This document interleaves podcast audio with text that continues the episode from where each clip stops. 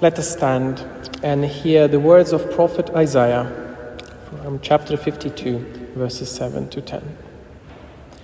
How beautiful upon the mountains are the feet of the messenger who announces peace, who brings good news, who announces salvation, who says to Zion, Your God reigns. Listen, you sentinels, lift up their voices. Together they sing for joy, for in plain sight they see the return of the Lord to Zion.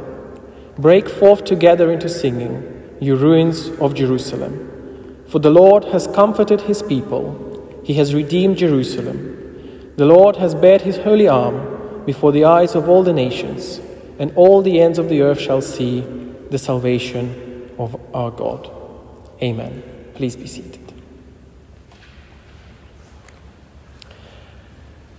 We live lives of storytellers. Every day, in everything we do. In all our interactions with people, we are telling some kind of a story about ourselves. Especially, it is evident with those of us who use social media. We curate our photos on Instagram, post certain things on Facebook to tell a certain kind of story about ourselves. Christmas is the time when telling stories becomes even more prominent everywhere we look and go.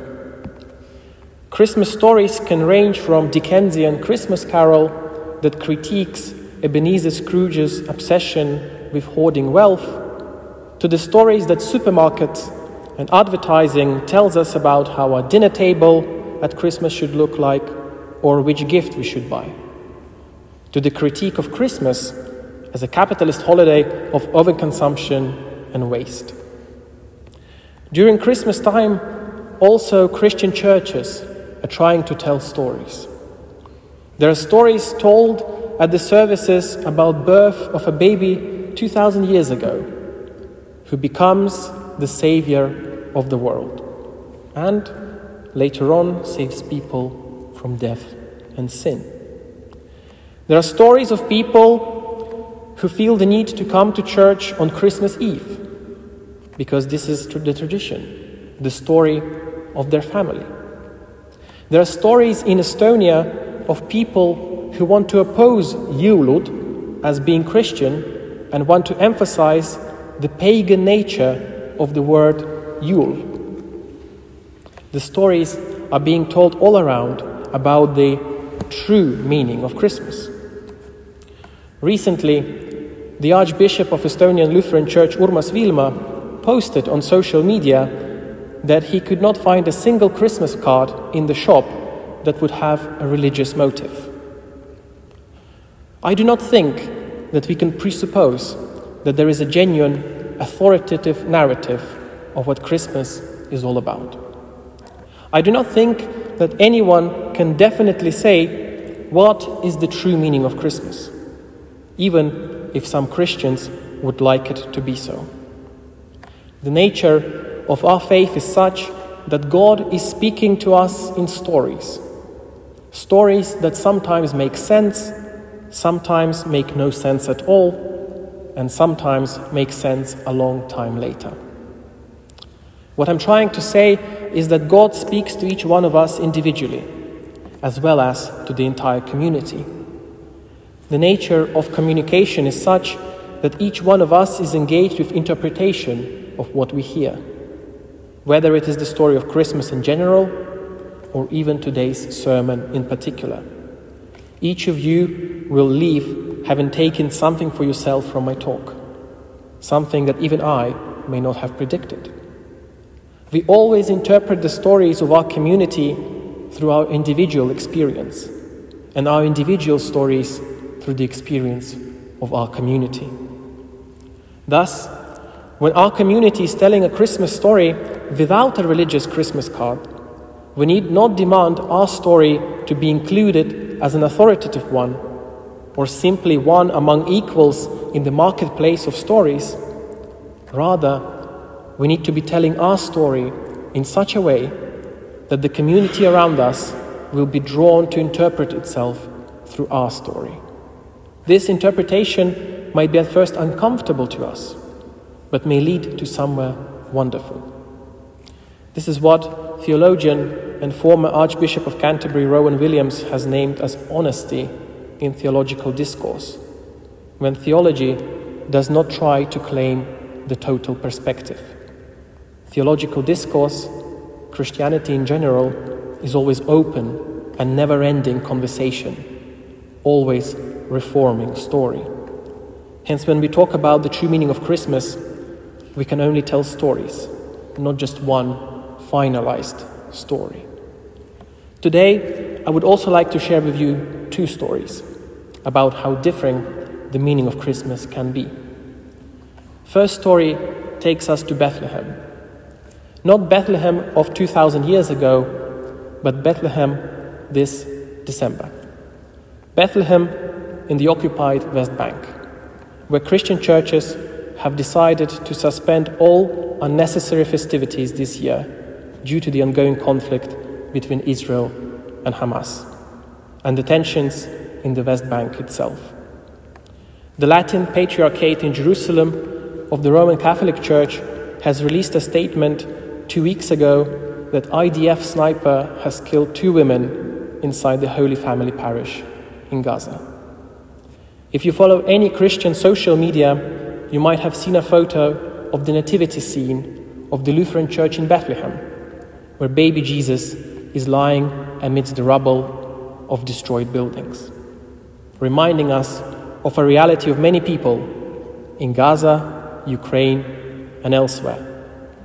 The text written by the Evangelical Lutheran Church in Jordan and the Holy Land, together with that picture, read God sent His only Son to be with us in the times of doubt, fear, and grief. God is with them in Bethlehem. He's with His children in Gaza, and He's with His children under the rubble.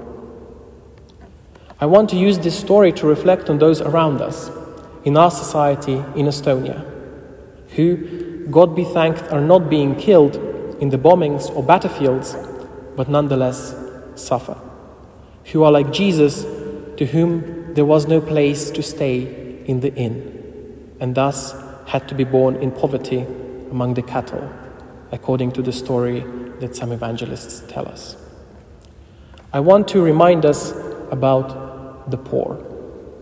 According to the Office of Estonian Statistics, as of 2022, absolute poverty rate in Estonia is 3.5% of the population, which is a 150% increase in relation to previous year.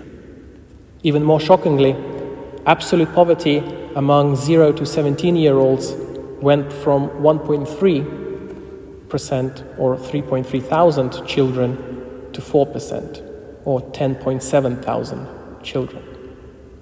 I know that statistics are for the year of 2022, but imagine 10,000 children in Estonia are celebrating Christmas in poverty in this country, while we have the privilege to discuss the true meaning of Christmas. This Christmas, now that gifts are already opened, at least some of the dinners are eaten, let us think about the story of baby Jesus under the rubble in Bethlehem, or baby Jesus in absolute poverty in Estonia. What kind of story can we tell them? What kind of story is being said about our society that enables this? It is a long tradition of the Church to interpret the birth of Jesus, the King of the Jews, not in the royal palace, but in a cattle shed in Bethlehem, precisely to underline that God identifies himself with a human being, and not just with any human being, but with the lowliest of them all. The second story I want to tell today is the story of two conversations I had with the same person this year. First one back in autumn in Kiwi Bar, not, from, not far from here where a person shared with the group of people I was part of, all of us were from the School of Theology and Religious Studies of the university, some anxieties about believing or not believing in anything in particular. Just last week, pretty much the same group was together, and this person stopped me and said, Igor, I need to tell you this. I believe in God. This is a story of us who are Christians simply being there. In either of the situations, I was not able to offer much advice. I was not able to tell a grand story of Christianity to try and convince or, con- or convert someone. All what I was able to do was to listen to a person in a moment of internal crisis. Listen to the kind of story they were telling and to take their story seriously.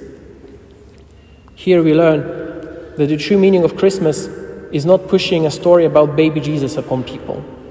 It is not about demanding Christmas cards with religious symbolism, but is about telling a story, not in words, but by us being there in the world. Letting our lives, our presence among our friends, colleagues, course mates, family members, close ones to us, to tell a story instead of us. A story of acceptance, compassion, and understanding. On 21st of December this year, the Washington Post released an opinion piece titled Christmas is cancelled in the land of Jesus' birth. Christmas is indeed cancelled for far more people in Holy Land, in Estonia, and across the world, amidst war, poverty, conflict, and family violence.